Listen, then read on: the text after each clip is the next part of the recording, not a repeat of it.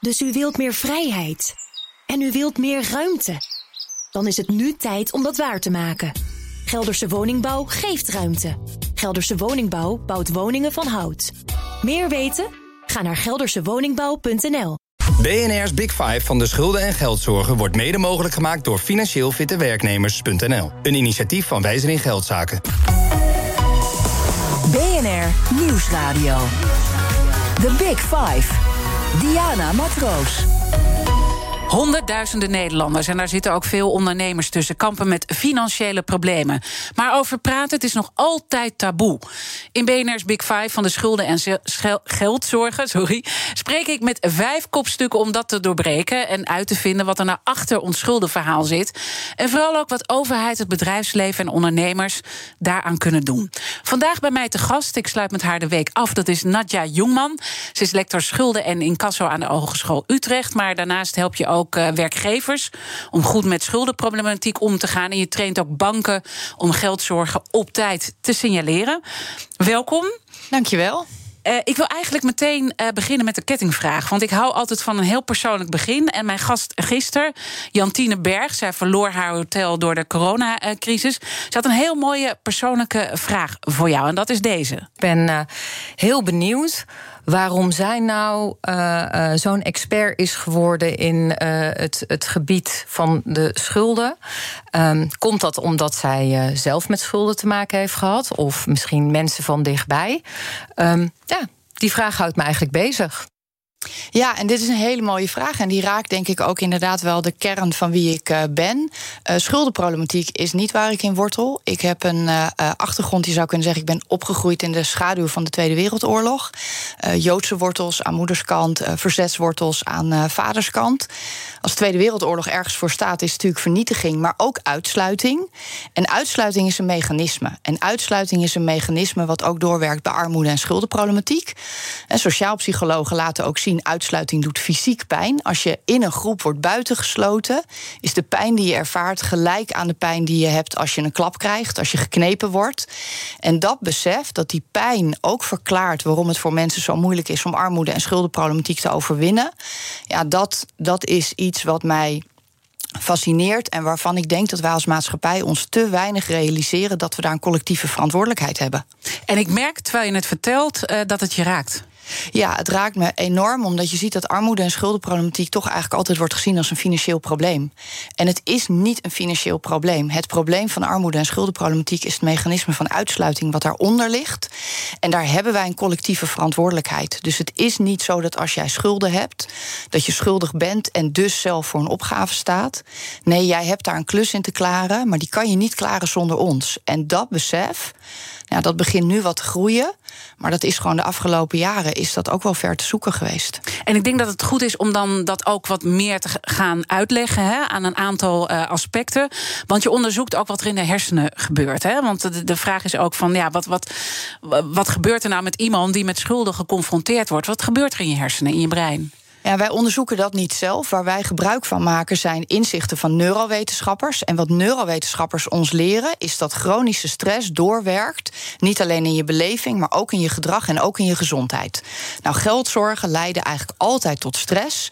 En wat je dan ziet is dat als ons stresssysteem langdurig wordt geactiveerd, dat we door de bank genomen meer bij de dag gaan leven, meer moeite hebben om prioriteiten te stellen, om emoties te reguleren, verlangens te reguleren.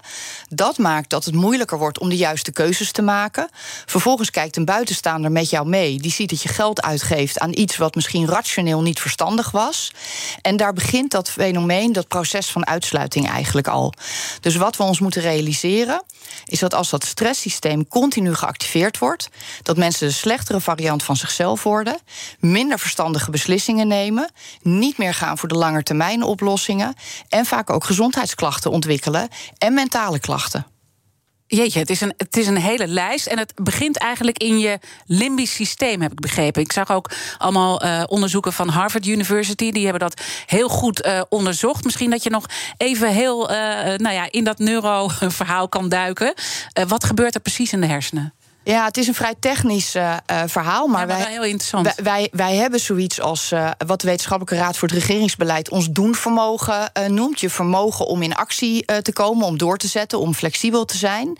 En dat vermogen, dat wordt als het ware een beetje gedimd op het moment dat dat stresssysteem wordt geactiveerd. Want wat gebeurt er als dat stresssysteem wordt geactiveerd? Dan schieten we in reflexen. Dus we gaan vechten, we gaan vluchten, we gaan bevriezen. literatuur zegt tegenwoordig ook wel, we gaan, we gaan babbelen, tent and befriend. Dus we proberen de situatie onder controle te krijgen. De gemeenschappelijke deler in onze door stress gestuurde reflexen is dat we bezig zijn om de acute situatie op te lossen. En dat is goed als we in een acute noodsituatie zitten. Op de derde verdieping van je huis en er breekt brand uit. Dan moet je die situatie op dat moment ontvluchten. Je vraagt je achteraf pas af: heb ik dat op de slimste manier gedaan?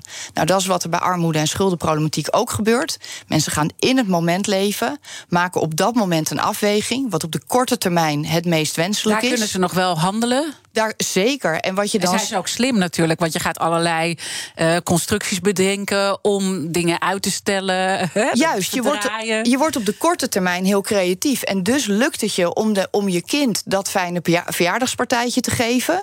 Waar je niet mee bezig bent, is dat er ook nog een energierekening ligt. die je vorige maand al niet betaald had. en die je deze maand weer moet betalen. En dan zie je dat problemen zichzelf uh, vergroten. doordat mensen niet altijd de afwegingen maken waarmee ze in een rechte lijn uit de problemen komen. Dus het gaat over de duurzame oplossingen, die kan je eigenlijk niet meer bedenken. Alleen op de korte termijn. En dat heeft natuurlijk enorm veel impact. Want je benoemde al de uitsluiting. Hè. Vervolgens uh, word je ook, ja, mensen vinden allemaal wat uh, van jou. Uh, vervolgens die stress, dat doet natuurlijk ook iets met je gezondheid. Hoe ver gaat dat uiteindelijk als gevolg? Nou ja, dat, dat gaat heel ver. Hè. Dus stress werkt door op je mentale uh, gezondheid. Wat je bijvoorbeeld ziet is dat er relaties zijn dat je door de stress slechter slaapt. We weten dat mensen die slechter slapen, dat een tekort aan slaap een trigger kan zijn. Bijvoorbeeld voor het ontwikkelen van uh, depressies, depressieve gevoelens. Wat je ook ziet is dat het echt doorwerkt op ons fysiek. Dus je immuunsysteem wordt getart. Als je stresssysteem aanstaat, dan, neemt je, dan wordt als het ware je immuunsysteem ook een beetje on hold gezet. Want alle energie wordt gebruikt om die acute noodsituatie te bevechten. Maar bij chronische stress is dat langdurig. Dus wat je ziet is dat mensen vatbaarder worden voor virussen. Wat je ook ziet is dat hart- en vaatziekten uh, uh, vaker uh, speelt. dat het doorwerkt op je stofwisseling. Dus dat het ook kan betekenen dat je gaat aankomen, dat je zwaarder wordt.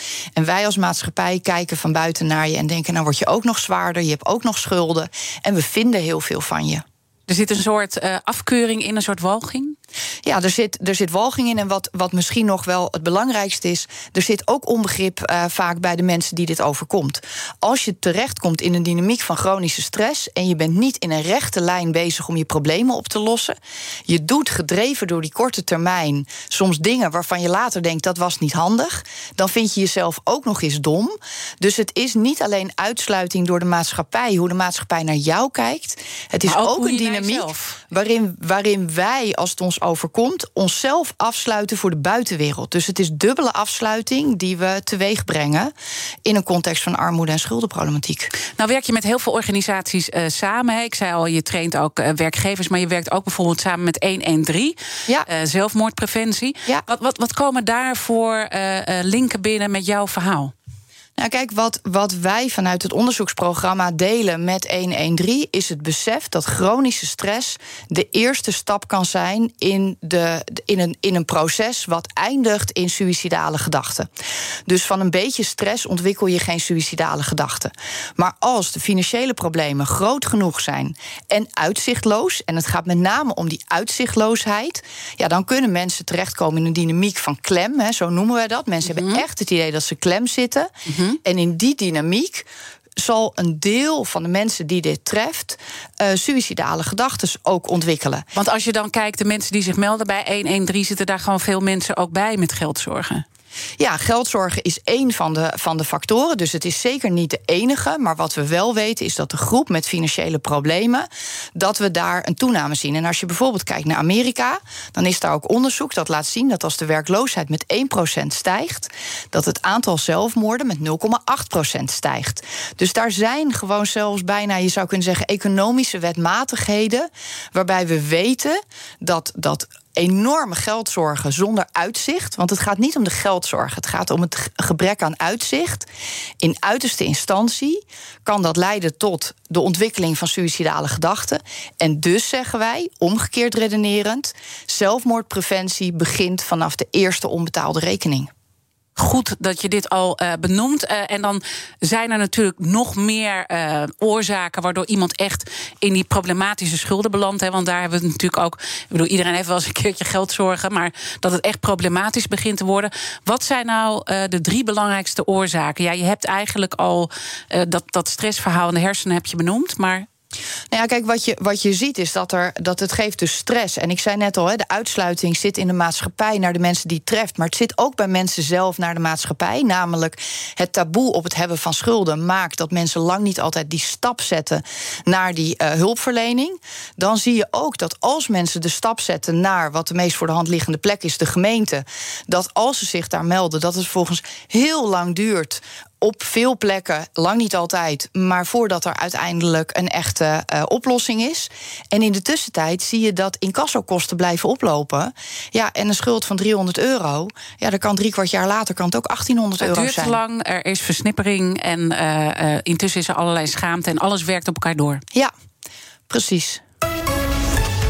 The Big Five. Diana Matroos. Mijn gast is Nadja Jongman. Zij is lector schulden en incasso aan de Hogeschool Utrecht. Maar zoals gezegd, je traint ook werkgevers hoe ze beter met schuldenproblematiek van werknemers uh, kunnen omgaan. En je benoemde net al een heel belangrijke oorzaak waarom die uh, problemen, die geldzorgen eigenlijk uiteindelijk problematisch uh, worden. En dat is het taboe om erover te praten. En dat merk ik deze week de hele tijd dat het punt terugkomt. En dat speelt ook echt op de werkvloer bij werkgevers en werknemers. Wat zit er nou achter vanuit de werkgeverskant? Nou, daar zit vanuit werkgevers ook vaak wel de zoektocht. Hè. Hoort een gesprek over schuldenproblematiek nou wel of niet bij goed werkgeverschap? dus wat je ziet is dat gezondheid wel zijn intrede heeft gedaan. Als we rugklachten hebben, dan krijgen we een, eh, een, een dure bureaustoel om die rugklachten te compenseren. Voor schuldenproblematiek geldt dat veel werkgevers toch een beetje zoekend zijn. Is het nou goed werkgeverschap om het gesprek aan te gaan? Of betreed ik dan het privédomein, waarvoor geldt dat we vanuit werkgeverschap ook wel een hele strikte lijn hebben? Wat is des werkgevers en wat is des privés. Mhm. Dus daar zit veel uh, terughoudendheid. Dus maar wat zeg jij? Is één. Ik zeg, die lijn die moet je meteen loslaten. Want schuldenproblematiek werkt direct door op het functioneren. Mensen zijn minder productief. Wat je ziet is dat mensen ook vaker ziek zijn. Dus het is daarmee wel degelijk een werkgeversvraagstuk. Alleen als je daar op een hele respectvolle manier mee omgaat. Alleen als je een werknemer opzoekt met het aanbod van hulp en niet met een oordeel. En alleen als je ook weet tot waar ligt mijn opdracht en wanneer draag ik het over aan een ander. Namelijk als werkgever gaat niet oplossen, maar zorg voor die warme verwijzing. En dan zit het toch in wie neemt dan de eerste stap? Hè? Want je zegt het is wel een werkgeversverantwoordelijkheid. Maar uh, er is een onderzoek van wijze in geldzaken. En daarbij geeft het overgrote deel van de leidinggevende aan dat het de verantwoordelijkheid is van de werknemers om geldzorgen aan te kaarten en de eerste stap te zetten. Wat vind jij daarvan? Ik denk dat dat een misvatting is. Want wat je ziet is dat het voor die werknemer heel moeilijk is om die stap uh, te zetten. Dat een werknemer ook helemaal niet als vanzelfsprekend weet waar hij op kan rekenen als hij het aankaart. En zeker als je nog geen vast contract hebt, voordat je het weet, uh, betekent het misschien wel dat je contract niet verlengd wordt. Um, als werkgever werken, bij werkgevers werken schulden door. Mijn functioneren op de werkvloer is altijd onderwerp van gesprek voor manager. Dus schuldenproblematiek ook. En dan zit ik toch een beetje, hoe begin je dan? Hè? Want je weet dus eigenlijk, er zit toch een, een gêne van twee kanten. Ja. dat taboe en ook van, is nou wel mijn verantwoordelijkheid? Maar ik kan me ook voorstellen dat een werkgever het lastig vindt om dit uh, te benoemen. Vanuit al die aspecten die je eerder al hebt benoemd natuurlijk. Hoe, hoe onze oordelen daarover in elkaar zitten en de schuldgevoelens. Dus hoe doorbreek je dat dan? Ja, dat, dat begint met het goede gesprek. En daar zie je dat, het, hè, dat, dat de boodschap, daar zijn wij niet van, is vaak de boodschap: ik durf dat gesprek niet aan te gaan. Uh, vanuit lectoraatschulden en incasso hebben we met uh, uh, um, financiering van instituut GAK ook een e-learning mogen bouwen voor gratis e-learning voor werkgevers. Hoe voer je nou eigenlijk dat gesprek? En dat betekent dat je ijsbrekers nodig hebt. Namelijk, weet je, je vroeg vorige week of je meer uren kon werken. En die uren die heb ik of die heb ik niet. Die vraag die krijgen wij uh, vaker, soms ook van Want dat collega's. is een signaal, hè? Dat is een signaal. mogelijk uh, het is een signaal. En normaliseer. Die vraag die krijg ik vaker. Soms van collega's waar geldzorgen bij spelen. Soms bij niet. Als je het vervelende vraag vindt, niet antwoorden. Hoe zit dat bij jou? Geef heel veel ruimte, maar stel wel die vraag. En, en, en dan, oké, dus dat, dat is dan één uh, punt. Maar uh, wat zijn nou de dingen die je echt verkeerd kunt doen in dat gesprek? Want misschien met heel goede bedoelingen doen mensen dingen in zo'n gesprek die juist averechts werken. Met stip op nummer één de waarom-vraag. Waarom heb je je niet eerder gemeld? Waarom heb je die lening dan afgesloten? Waarom heb je dan niet aan je ex gevraagd of? Dus wat, wat je niet moet doen, is de waarom-vraag stellen. Want ik roep je daarmee ter verantwoording. En daarmee voel jij meteen dat ik iets vind van jouw gedrag. Het is oordelend. Dus, het is oordelend. Dus je staat niet naast me, maar tegenover me. Wat wel doen, luisteren. Niet ja. oplossen, luisteren. En als iemand zegt dat hij echt niet weer weet hoe hij het moet oplossen zeggen: Nou ben ik ook geen expert. Maar wat ik wel kan doen, is met jou kijken op welke plek ze jou verder kunnen helpen. Blijf naast je medewerker staan. En eigenlijk het verwijzen, wat het Nibbet ook verwijzen. Ja. ja. ga niet zelf oplossen. Wat je ziet is dat er ook werkgevers zijn die uit de beste bedoelingen uh, ook eh, kredieten geven, die dan worden verrekend op de uh, salarissen. We hadden het net over de impact van chronische stress op gedrag. Je zoekt korte termijn oplossingen. Laat een, laat een expert meekijken of die ene lening genoeg is om het probleem duurzaam op te lossen. Of dat het, onaardig gezegd, uitstel van executie is. En de schuldenlast alleen maar verder oplost. Of oploopt. Dus ga niet zelf oplossen. Verwijs mm -hmm. vanuit een bespreking geen waarom vragen stellen. Uh, is het wel handig om te vragen van... Uh, joh, waar geef je dat geld allemaal aan uit? Mijn antwoord zou zijn nee. Want of iemand nou uh, zegt dat hij het uitgeeft aan de kinderen, of aan zijn huisdieren, of aan zijn hobby's, of aan de uh, vaste lasten. Als wij niet van de oplossing zijn als werkgevers, omdat we verwijzen, is dat ook niet de vraag die bij ons thuis hoort. Maar er kan natuurlijk een andere problematiek achter zitten. Bijvoorbeeld gokken, alcoholverslaving. Is toch wel belangrijk om dat mee te nemen in het verhaal? Zeker. Alleen dat verhaal komt ook op tafel als ik jou de vraag stel: en wat doet het met je dat je deze schulden hebt? Dus ik kan vragen naar de feiten. Waar geef je je geld aan uit? Ik kan ook deze persoonlijke vraag stellen. En wat doet het met je dat je deze schulden hebt? Wat doet het met je functioneren? En wat voor hulp heb je daarbij nodig? Dan heb ik ook nodig om die gokverslaving onder controle te krijgen. Dus mijn advies zou zijn: ga niet naar de feiten, maar naar de beleving. Want mm-hmm. het is de menselijke verhouding die maakt dat ik me ook wil laten verwijzen. Is het ook belangrijk om aan te geven in zo'n gesprek dat je een gedeeld belang hebt? Uh, ja, zeker. Tegelijkertijd, chronische stress maakt dat wij een hyperfocus hebben op ons eigen belang. Dus jij kan wel een beroep op mij doen. Maar beste werknemer, begrijp je dan niet dat als jij minder goed functioneert, dat dat voor ons heel vervelend is? Je doet eigenlijk een beroep op dat wat veel mensen met chronische stress minder tot hun beschikking hebben.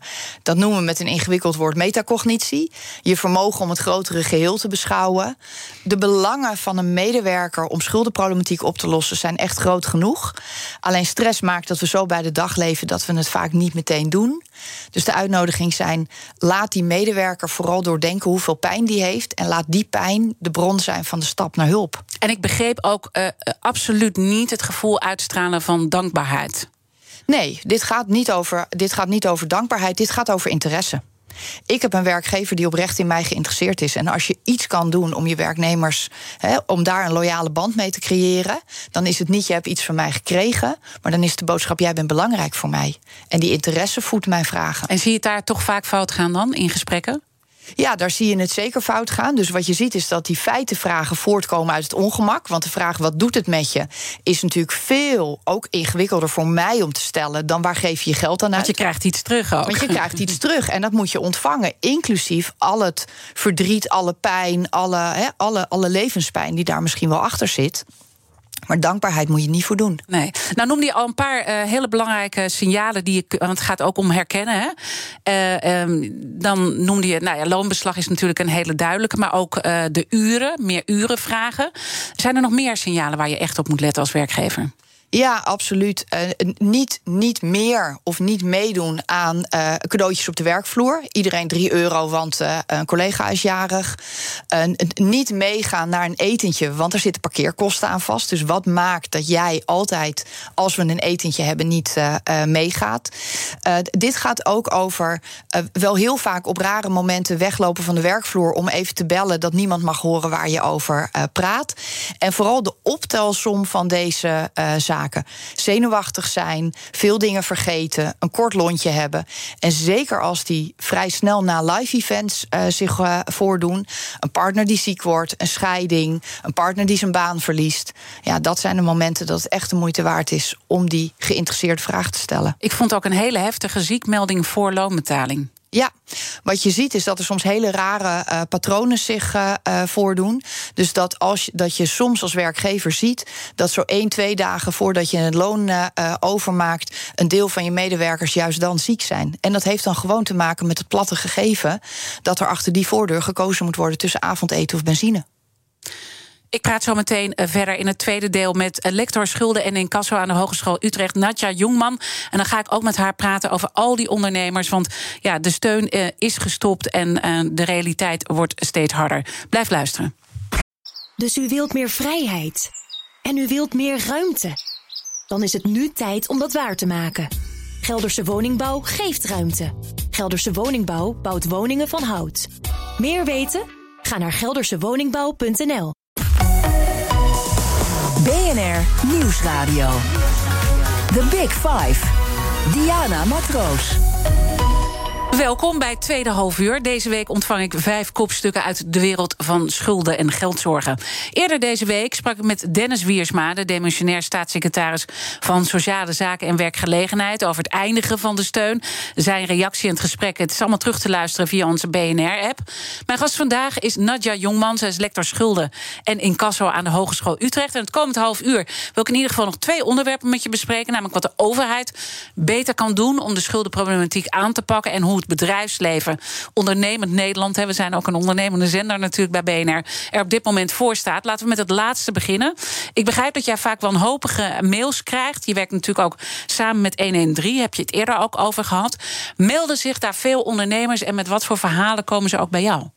Nou, wat, je, wat, wat ik constateer is dat als ik op de radio ben geweest of op televisie, dat er eigenlijk altijd wel mailtjes komen. Minder van ondernemers dan van uh, mensen die, die geen onderneming hebben. Dat laat weer zien dat voor ondernemers de stap vaak ook groter is dan uh, voor anderen. De gemeenschappelijke deler in al die mailtjes is het niet het niet de weg vinden door versnippering. Waar moet ik terecht? En als ze het geprobeerd hebben, ja, vooral de teleurstelling van het vastlopen. Er is hulp beloofd, maar kreeg hem niet.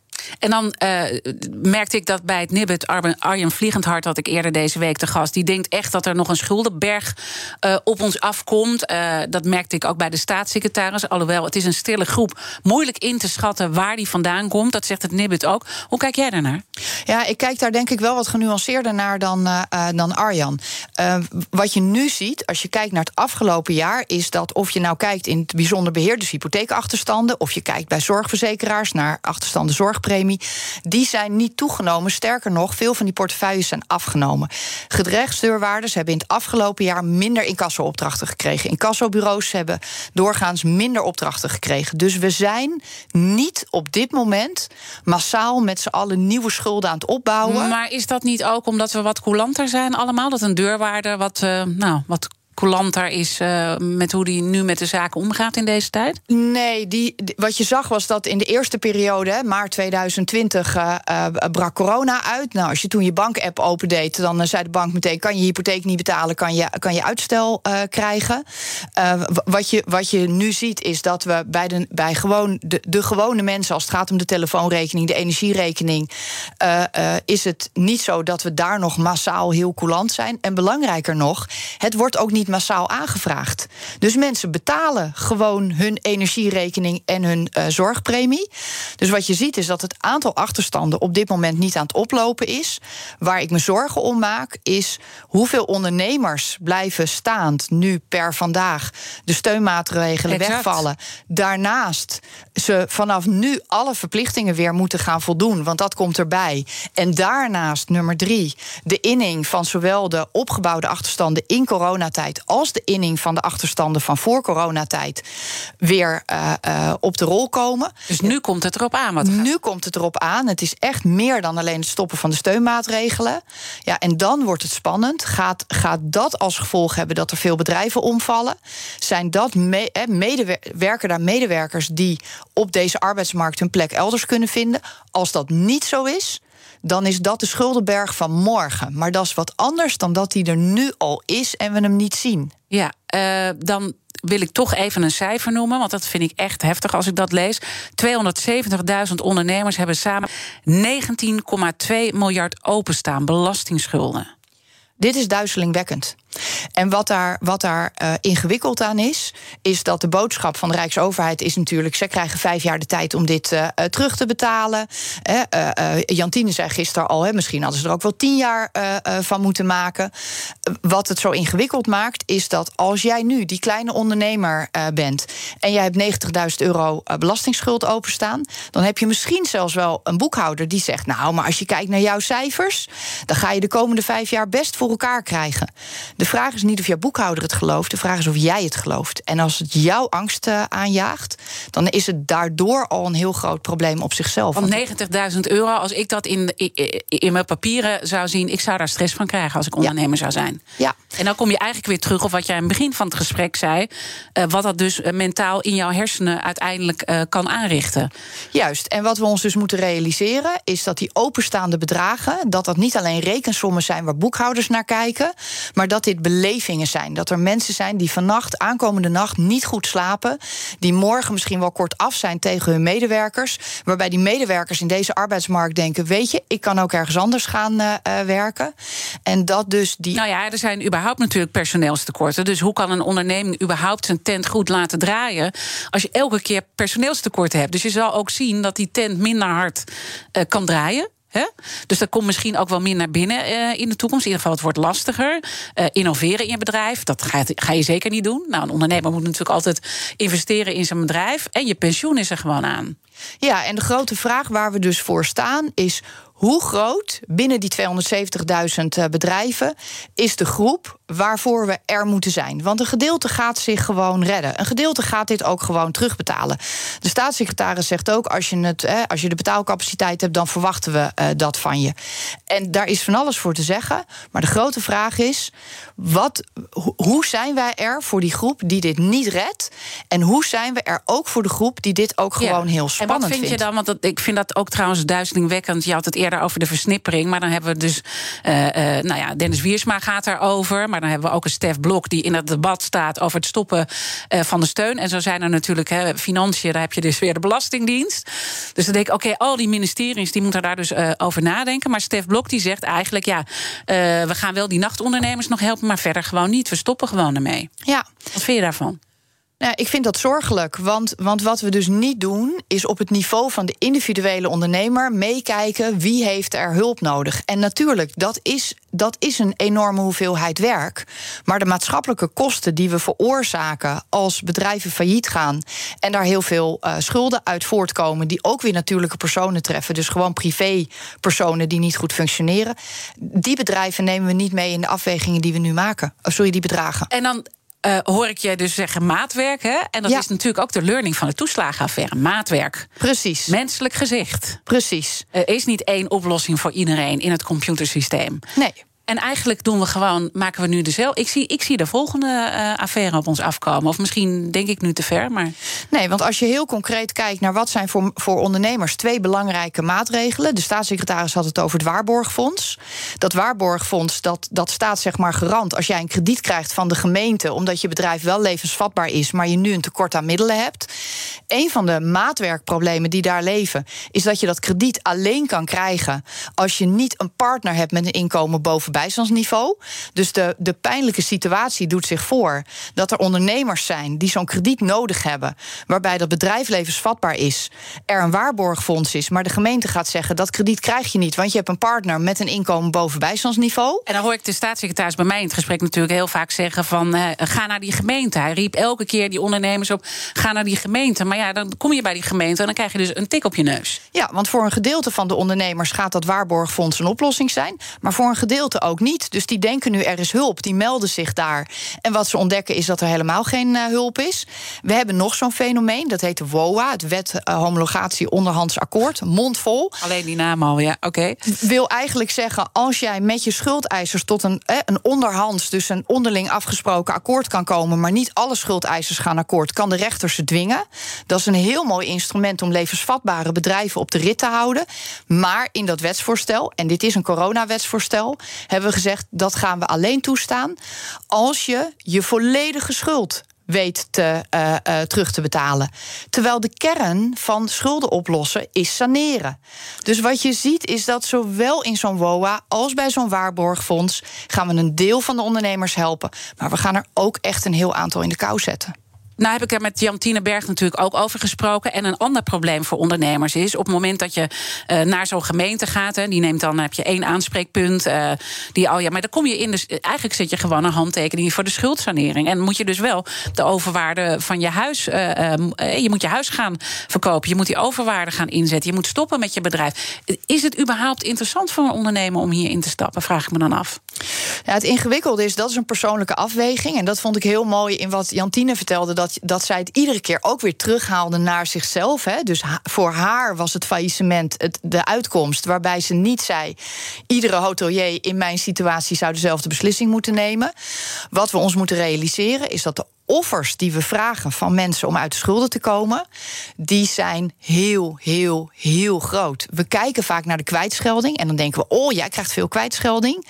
Maar de offers, ja, die zijn mega, want je, je houdt niets over, je begint met nul en uh, je bent ook een stuk eigenwaarde vaak kwijt. Terwijl corona iets is van 17 miljoen uh, uh, Nederlanders. Hè? Dus, dus corona is natuurlijk echt een specifieke.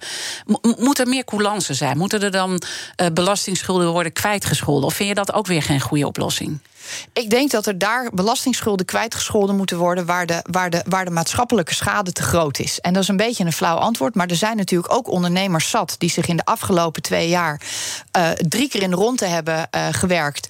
En dankzij dat hele harde werk niet die belastingsschulden hebben, uh, hebben nou ja, opgebouwd. Of zoals Jantien zegt, ik heb mijn faillissement aangevraagd. Dus dan had ik dat ook niet gedaan als ik had geweten dat ik toch aan het infuus werd gelegd uiteindelijk. Hè? Ja, dus met je, kwijtschelding. Dus, dus het is een illusie om te denken dat we met één regeling recht kunnen doen aan alle uh, situaties. Wat je vooral niet wil, is dat mensen met gezonde, levensvatbare uh, bedrijven mm -hmm. uh, in de komende jaren vastlopen. En ik denk dat dat het eikpunt moet zijn.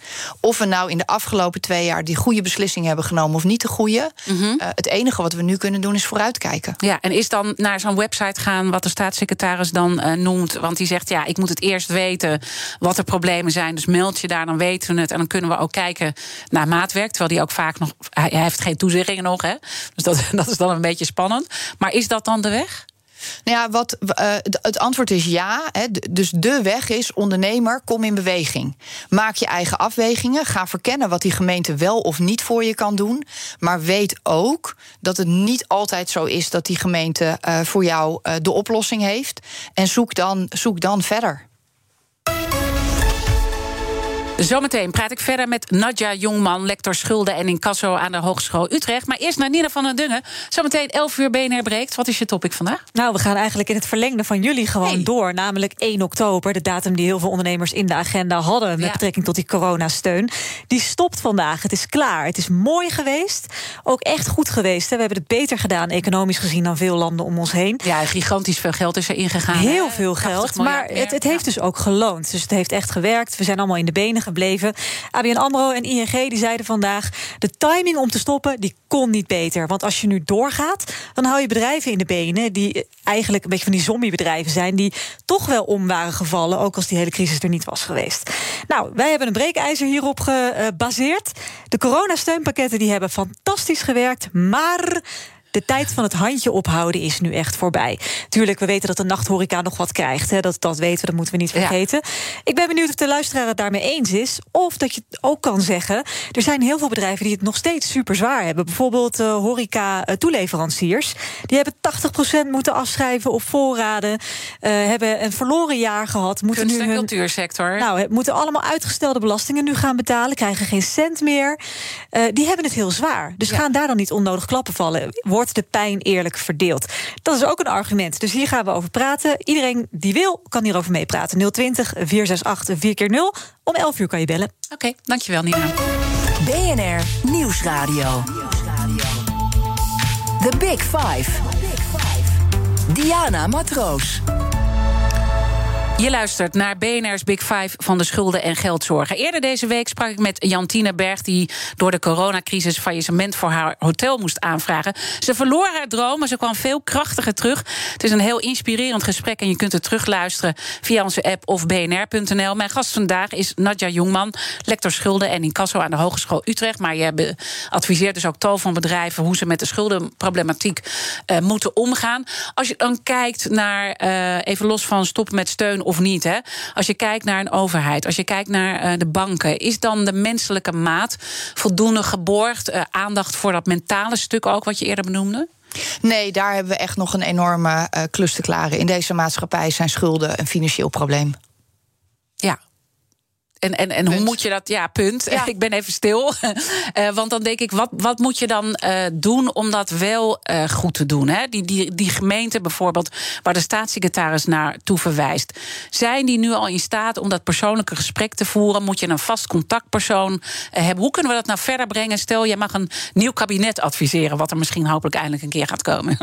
Nou, kijk, de staatssecretaris zei afgelopen woensdag hier bij jou natuurlijk: we moeten een plan maken. Ja. Terwijl jouw collega net zegt: vandaag stopt de steun. Ja. We moeten een plan maken. Vandaag stopt de steun. Daar voel je al dat er een enorm gat zit.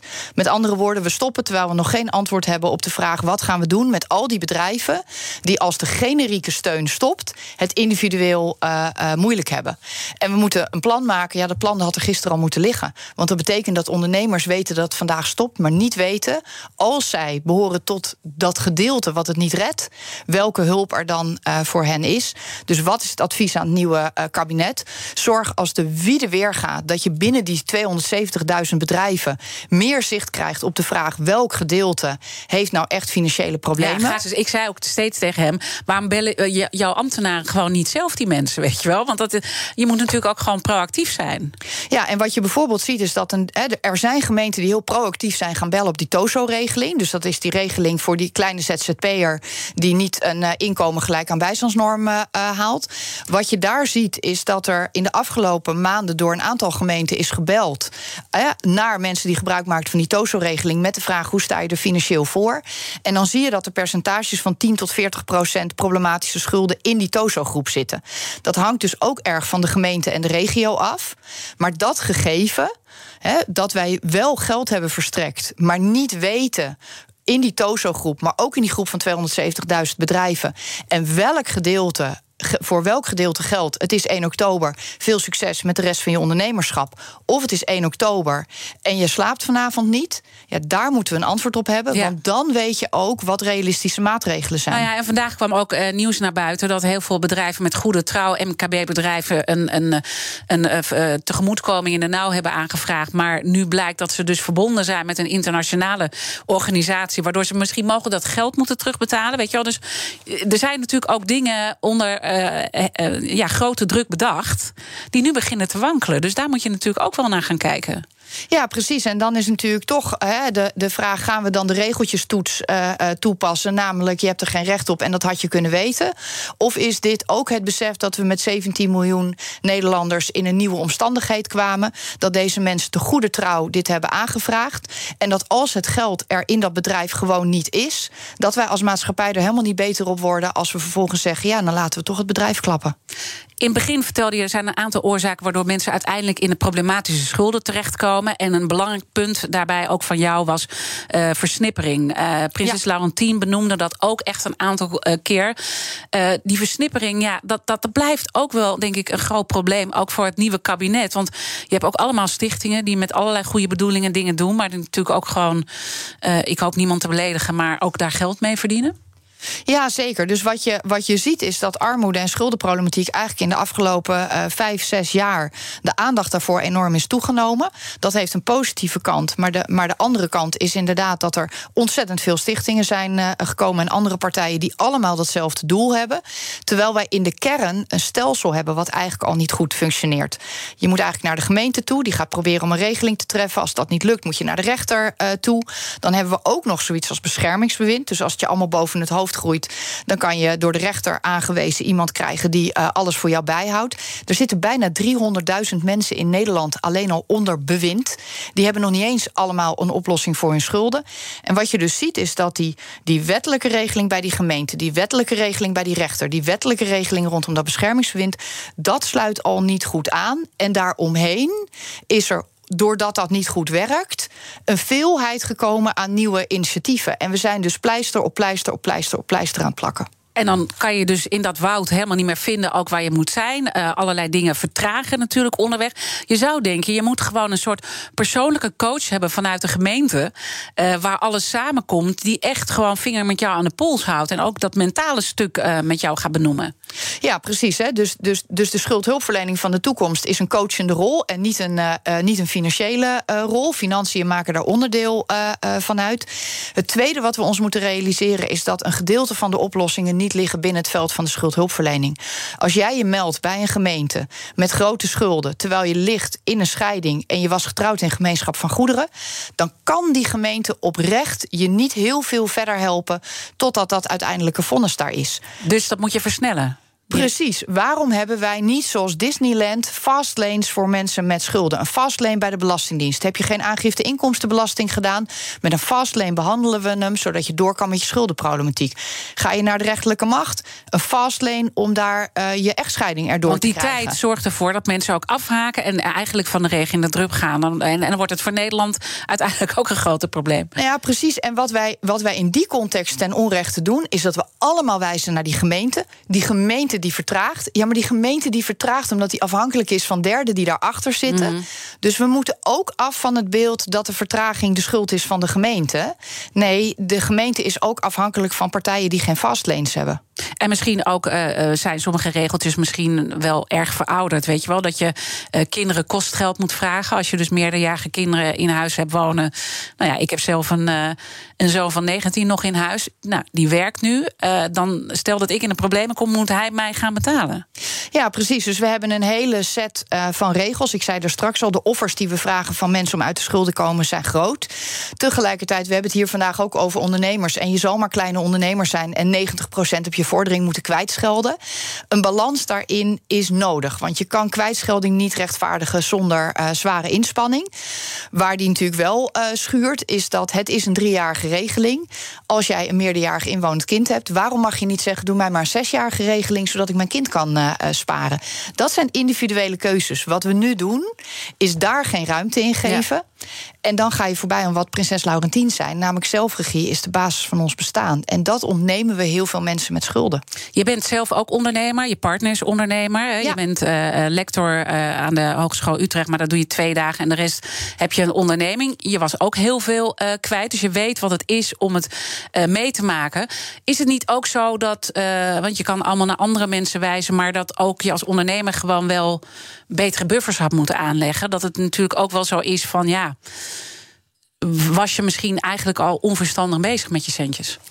Ja, kijk, het antwoord daarop is jee, ja en nee. Daar waar er mogelijkheden zijn tot een buffer en je legt die niet aan, ja, dan kan je omkijken en denken dat heb ik niet verstandig gedaan. En Want dan jij is, had dat wel gedaan, hè? Uh, nou ja, Jullie? niet gedaan. Wij hadden de, wij hadden de, de, de, de ruimte om hem aan te leggen. He, dus niet ieder bedrijf heeft de, heeft de slack om een buffer aan te leggen. Dus wij waren als gezin uh, in maart 2020 80% van het gezinsinkomen uh, kwijt. Dus dat is een enorme klap. En dan voel je de kwetsbaarheid van het ondernemerschap. Um, um, ja, wij hadden een buffer. En dat maakte dat wij wisten, wij kunnen ruim een jaar vooruit met alle medewerkers ook die we hebben, zonder dat er problemen komen. En dan kan je innoveren. We moeten heel belangrijk, we moeten nog de kettingvraag. Ja. Want uh, uh, volgende week dan ga ik uh, de week maken met een nieuw thema: onderwijs na de pandemie. En dan ga ik met topgasten uit alle lagen van het onderwijs spreken. En mijn eerste gast is Ron Koren, bestuursvoorzitter van het Albeda College, een MBO-school in Rotterdam. Wat zou je hem willen vragen? Nou, waar we het aan het begin van de uitzending over hadden, is dat onderzoek laat zien dat uitsluiting echt fysiek pijn doet. Armoede en schulden hebben een uitsluitende uh, werking. Dat werkt dus ook door op je leervermogen ik ben benieuwd wat Ron ziet bij zijn leerlingen aan doorwerking van armoede en schulden op het presteren in dat uh, uh, MBO. Met daarbij de vraag: en wat hebben zij van de politiek nodig? Maar ook wat kan hij als school doen om die fysiek gevoelde pijn van uitsluiting van armoede en schulden uh, toch enigszins te compenseren? Ik ga het hem vragen. Dank voor al je boeiende inzichten. Natja Jongman, lector schulden in Casso aan de Hogeschool Utrecht. En alle afleveringen zijn zoals altijd terug te luisteren. Ga gewoon naar onze BNR-app of bnr.nl. Maar blijf vooral live vandaag. BNR, Nina van der Dungen met BNR breekt over het stoppen van de steun. Ik wens je een mooi weekend.